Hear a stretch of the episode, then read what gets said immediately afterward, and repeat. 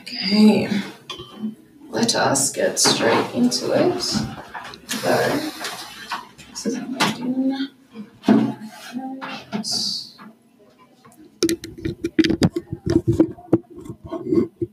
Okay, how exciting! How fun is this? Alrighty, Okay. Welcome Daniel to my um, incredible studio uh, that I have built here in Selena Medellin. How do you like it? I'm pretty comfortable on this. Yeah, Yeah. I, I think so. We're sitting on plastic chairs with um, four bean bags either side. and um, I'm really moving on up in the world with this podcast. Uh, it's incredible. I'm excited. I hope you're excited for today. I'm really excited as well. It feels like really Colombian podcasting. Good, good. Uh, I'm glad I'm really fitting into the culture here. Uh, now, let's start off with um, your name. And the thing that I think everyone's going to find most interesting out of this podcast is uh, what you do right now for work and uh, where you're living. okay, perfect. Um, Daniel Cardona. I'm Colombian, 29 years old. Um, I'm doing social business in Comuna 13 in Medellin. Uh, for people to who doesn't know what Comuna 13 is, it was one of the biggest um, violent comunas out of in Medellin in the 90s and in the latest 2000s. Um, I'm living right now in a monastery, in a, in a Catholic monastery. I'm agnostic, and I teach um, priests or go to priests uh, digital marketing. When I first heard this, when you told me this, I literally thought it was a joke. Like I was like, mm, like okay, but what do you really do? and um, I think it's the fucking best thing ever that you teach digital marketings to um, priests, and more importantly, that you're living in a monastery. Um, being agnostic as well, I think is really um, interesting, and I love that. Um, I'm sure people listening now will have a lot of questions about all of that. um, let's just do a small little recap on, I guess, how not how you got into that, but first of all, um, what what it means to live in a monastery and what that changed for you, I guess. Because how long you've you been there for now? A couple It's months. A couple months. Couple like, months, that will yeah. be like three months. Three months now. enough to figure out what like enough to be accustomed to that kind of lifestyle Well, it's quite it's quite interesting though because I have keys for all the plays, so I basically I can get out and get in at any time of the day. Mhm. Uh, usually, these guys like have really strong um, schedules on when to go out, how to go out, uh, how to get in. Um, on and like what x amount of hours do they wake up and what what are the exact same things that they do over and over again during the the, the days um, but in a way like it, it has helped it has helped me a lot to build up um my schedule. So after going through my second vipassana i've learned through just meditation as a habit or trying to apply it as a habit. And i realized that making it a daily basis in the mornings it's the best like way for me to work so they get up at like around 5.30 i get up at 4 i meditate from 4 to 5 and then i exercise 5 to 6 and then it's just like i start my day. But it's it's as you do. As i Yeah, do. yeah, so the way i met daniel was during nomad they had a panel um, of experts on i guess entrepreneurship and, and startups and different things like that. And i came in late and Daniel was speaking as I came in, and he's like, "Yeah, I wake up at 4 a.m." and I was like, "What a fucking wanker!" I was like, "Who the fuck wakes up at 4 a.m.? Here I am. This guy's gonna like preach to me that I need to wake up at 4 a.m. every morning, la la la." And then he's like, "I fucking meditate every day." And um, for those people that don't know what a vipassana is, that how you Vipassana, it? yeah. vipassana is um, it's like silent like a silent retreat, essentially, like Yeah. practicing silence. What is it So, essentially? I mean, it, it is um, a practical way to to learn meditation Okay. through silent re- retreat for 12 days. You end up meditating 10 hours a day every day without your cell phone, without any books, without any writing.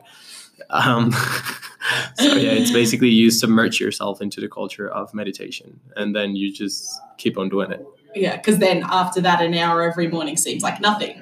Exactly. Exactly. Um, and so when I walked in and then I heard all this stuff, like I said, I was like, what the fuck? Like, I cannot deal with this. And then after he continued talking, and I was like, oh, wow, he's just a normal guy. he's a normal 29 year old guy that, like, works, that is like, I mean, you said something within the the talk that also sat with me. It was like, uh, your mentor had said to you, ask yourself a question every morning how can i make money and then what was the second part of that So it's it's basically any um, business framework that you do whenever you're doing business, which is how are you making money? How can you make more money? And how, like at the end, what tools or what frameworks are helping you build more money?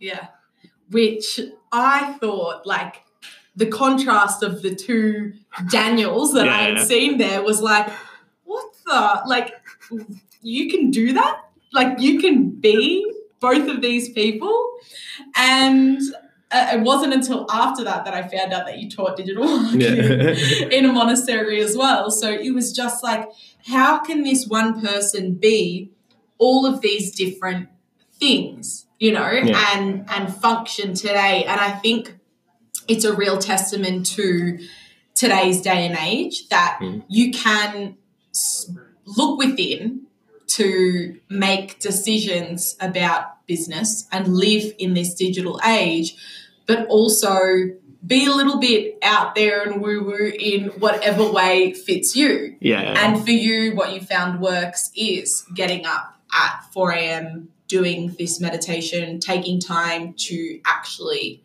reflect on who you are and what you want to do within that day. Yeah, I think like whenever, and, and it's not just about me. I think all of us, like from for example, I have no idea how many demis have you been in your past years. Yeah.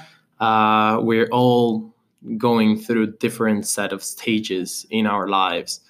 It is not a matter of just like right now I'm uh, a different Daniel or I'm or I'm building myself into that it's Mm-hmm. just I accumulated X amount of experiences throughout my years that I just take what's worked with me and what's getting into it Mm. to be like a normal human being. And I'm not gonna lie to you, like I can sit some of the days and I can meditate, but there are other days where it's just my head is packed of things, and the only thing that I do is just like I sit like a wonka and just breathe in, breathe out with all my head just being all over the place yeah. and that's okay too. I'm not gonna feel guilty because of that a specific thing.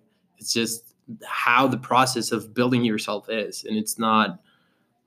It, you're not supposed to be perfect, and my routine does not have to fit anyone else's at Mhm. all. So it's just mine, and it works now. I have no idea it's gonna work in six months, but for now, it's good. Yeah, I love I love that you said that because I think so much of us find something that is working right now and think that if we don't do that for the rest of our lives, then shit's going to hit the fan Yeah. because we found something that's working and then it's not going to work. I mean, for me, I recently released an episode where it was about the fact that I kind of quit my job, came and decided I'm going to be a digital nomad. I'm going to live this nomadic life and thinking that making the decision to be a digital nomad was enough Yeah. and that me like creating a routine for myself back home of releasing episodes of a podcast and all this stuff and then coming here and being like oh fuck i haven't released an episode in two months because i've been doing xyz how the fuck do i build myself a routine while traveling the world and trying to do all these other things? And i kind of thought the same thing. I was like okay i need to figure out who this new Demi is and that she doesn't suddenly exist because I've made the decision to be her. Yeah. I have to work at being her every single fucking day. And that requires creating a new routine. And for me, it might not be waking up at 4 a.m., but it might be waking up half an hour earlier than what I was waking up to take time to journal or to meditate or to exercise Yeah. or something that is consistent every day to create a routine. Yeah, uh, I completely agree with that. Which is, so uh, there's like this rule, which is eighty percent of times the hardest decision to go through any phase, it's just making the decision. Mhm. But then once you start that, you need to get uh, momentum going, right? So mm-hmm. it's once you make the decision, fine. What are the next steps that you need to do, and what is the final goal of that? So I'm going to be a digital nomad. Okay, perfect. For how long? Mhm. Let's say one year or two years. Okay, what is going to be the outcome of that after two years?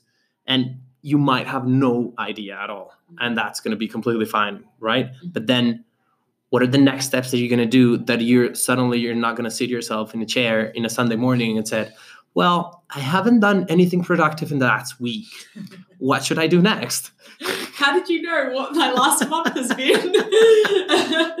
yeah, no, yeah, it, it's hard to build consistency. But one thing I've realized is like the small decisions you make every day build the person that you're going to become. exactly Um, let's move on to a little bit about Comuna 13 because I think everyone hearing that you are living in a place that was regarded as one of the most dangerous, and when you, we went and visited Comuna 13, and Daniel was nice enough to take us around and show us.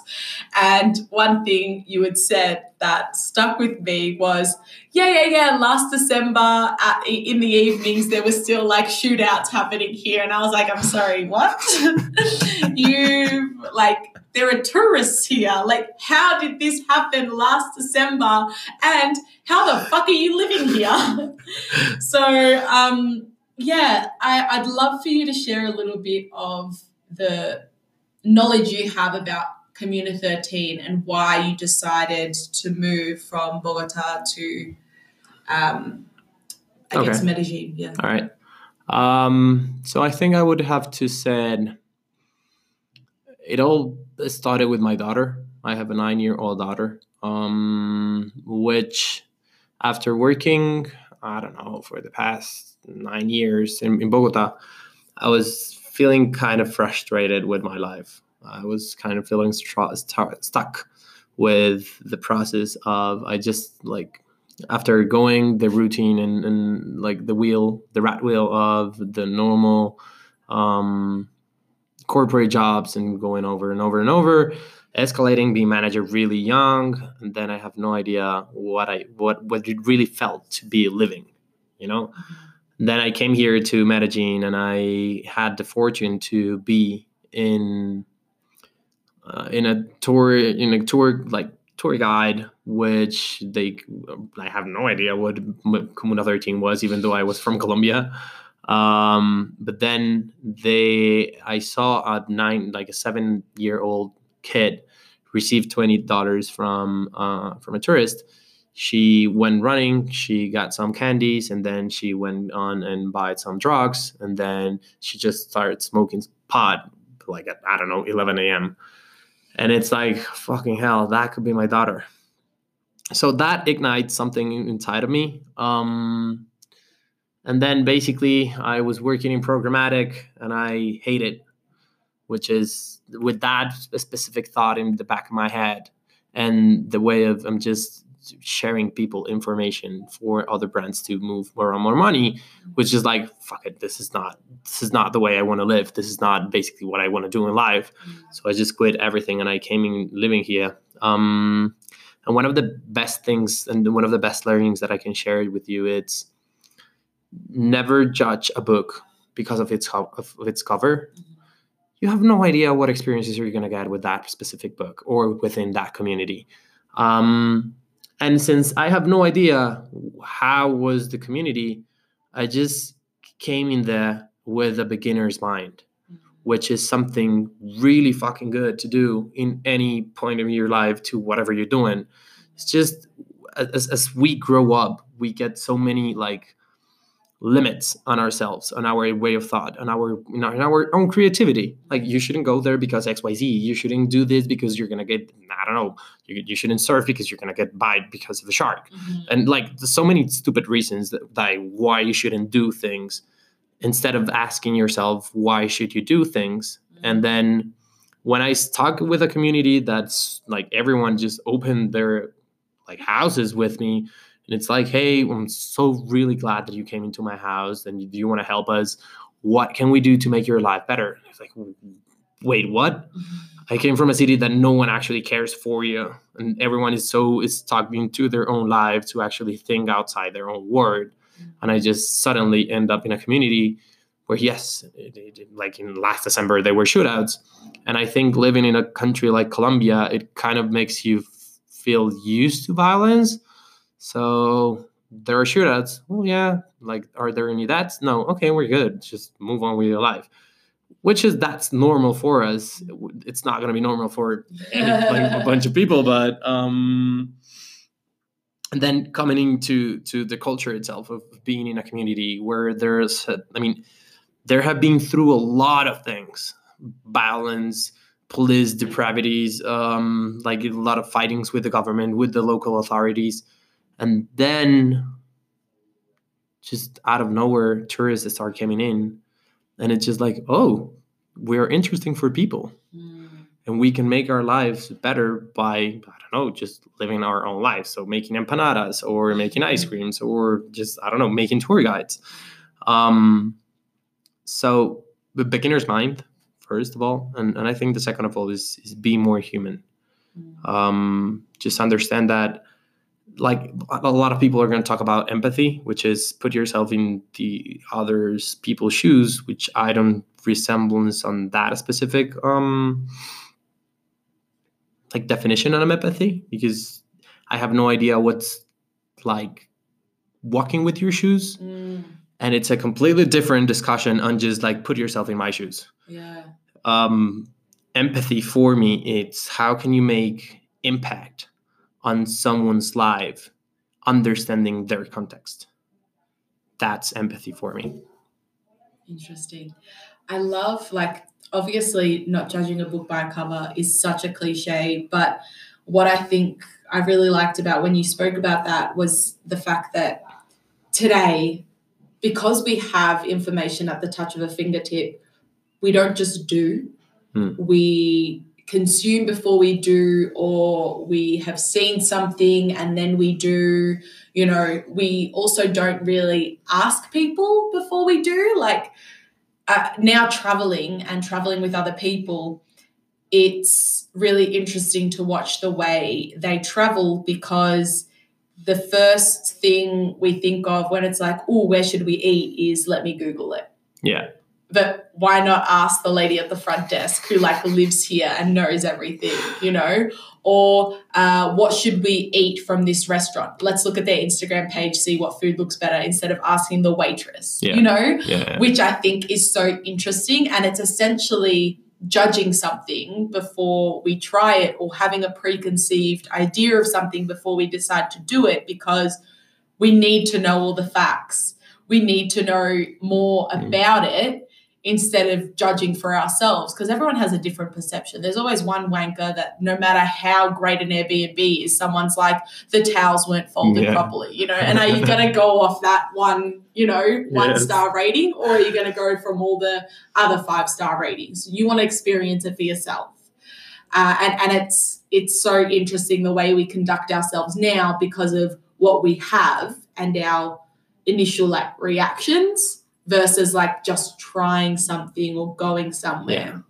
So it's really nice that you got to go to Comuna 13 with fresh eyes, despite living in Colombia for for how long, being Colombian and not knowing about that specific specific area, um, which is amazing. And the I think one of the reasons that I wanted you on the podcast, despite what we spoke about earlier, was the fact that when we went into Comuna 13, we could not step, we could not take 10 steps without Daniel like speaking to someone or high fiving someone or hugging and kissing someone and, and just conversing with them. And not in a, hey, how's it going way, in a like, hey, like, how are you? What's happening? What's new? Like, great to see you. Yeah. Which was, it was really lovely to see.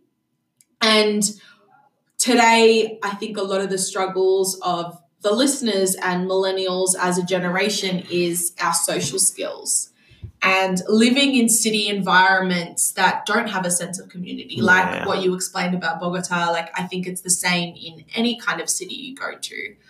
Um, and so, why I wanted to bring you on was to, to talk about that and how we can be more social and create a better sense of community in the current way we're living. Okay. Uh, so, let's start with how you became this social butterfly and if you've always been this social butterfly. That's a huge term. I'm gonna use that in my LinkedIn or in my Yeah, Instagram. yeah, yeah. Dad and social butterfly. Exactly. um. Okay, so I'm gonna grab a concept that you just talked about uh, like a, a few minutes Yeah. ago, which is how you experience something new in a new city, right? Uh-huh. Um, yes, Instagram it's good. Yes, googling it's it's amazing to find stuff. I do actually Google a lot of stuff, but then you're missing out the point of what's important for people. When you when when you dare yourself to expose yourself to danger or expose yourself to new things, you're gonna get two ways. Whether you're gonna have a really bad time or you're gonna have an amazing time. But you got to allow yourself into that. You have to put yourself in a position to be vulnerable.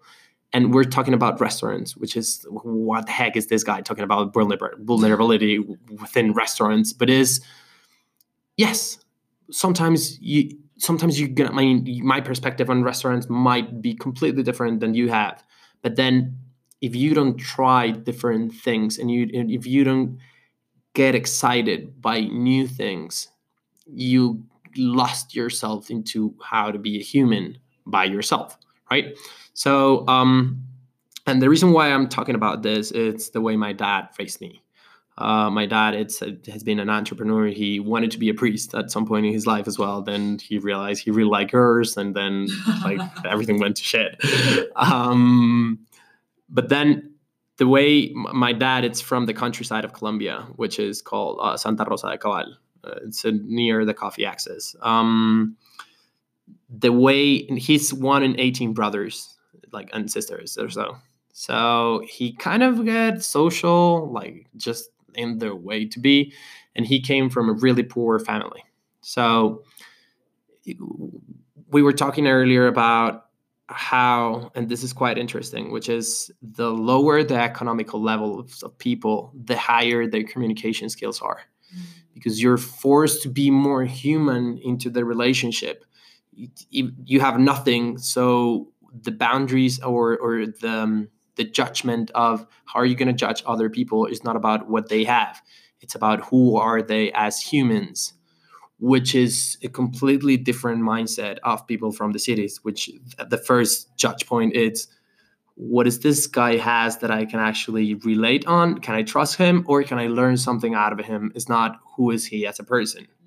So it's it's quite interesting. Um but then he one like within his companies one of the things that he does is he when i was little he asked me to come here over and join him do the things that he does that he did that he did in like in, in his daily day life. So basically we're running i don't know from banks to accounts to other like properties. And there were always interactions of people let's say from the doorman to the cashier to the manager of the site to the people in procurement. And most of the times he would purchase chocolates like full bag of chocolates and he just started delivering chocolates like he was fucking santa, claus. But then the reaction of the people was like outstanding and, and i would definitely like invite people actually do it. Sometimes just buy a chocolate and just hand it over to someone that you currently don't know and you have no idea about. Um, his way of doing things was he was like arrive into a bank and come to go to the cashier. He wouldn't make the line, and that's really Colombian stuff. and then he would deliver the chocolate and said, "Hey, honey, I hope you have an amazing rest of the day. I'm really into rush. I have my kid here. Uh, would you mind passing me over? Like, if not, there's no problem at all. If you will do it, you will be alive." And then he would just backed out, and the girl would just like open his eye, her eyes, and it was like, "What the heck just happened?" Then she would just give him a huge smile, and it's like of course, sir, there's no problem. Just give me one second and I will call you back, right back. And that's how I learned how to do things and how to speak with the humans. And that was like from the cashier, he would do the exact same thing with the doormans. So basically, whenever he was running into a building, he wouldn't have to pay parking. He would just like say hi to the doorman and he just went in through just being human and understanding the person behind the fence or behind the, the desk. Um, and the way he communicated with managers was the exact same thing. Just be human and just like start a conversation from your heart. And it's one of the things that, that I've learned within the process was when you move yourself, remove yourself from the equation of making a conversation and you start asking or thinking, how can I make this person's life or day better? It can be just like give him a smile it can be just like ask him about how are your kids? How is your family? Things that connect yourself with how like who we are as people. It's so much powerful than just said good morning how are you? Fine. Bye. Have a good day. It's it, it like it changed the way you you actually communicate with people and then asking one specific question whenever you're meeting someone new which is can you tell me more about yourself that those words can change so much about a conversation that it allows you to actually communicate in, in more like an empathic level and said you know what? I care about who you are as a person not what you have.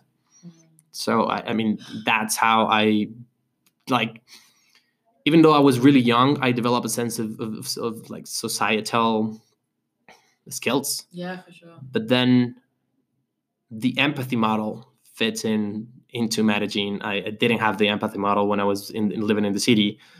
Um, so what I've learned through this process at all, it's there are a lot of people that are going through a lot of things and you have no idea and they're still smiling at you the least that you can actually do is like like smile them back mm. yeah for sure um, no that's that's awesome and i love the way that kind of what you learned from watching your dad mm-hmm. and and the social skills you learned from that and then what i find is really interesting that despite growing up and learning these skills they were still lost living in a big city because yeah. we get stuck in what everyone else is doing and how things are going around us and did like you mentioned earlier when we spoke that you had these kinds of skills in your workplace, right? Yeah. You knew how to use those skills that your father told you in the workplace, but it still didn't mean that you knew your neighbor or you walked to work and you were like, hey, to someone random on the street or, you know, we're handing out chocolates, you yeah, know. Yeah. Um, but it was something you could utilize in the workplace uh, to be able to communicate things or get things done or relate to your team in a different way. Yeah. Sorry, one second. I'm just gonna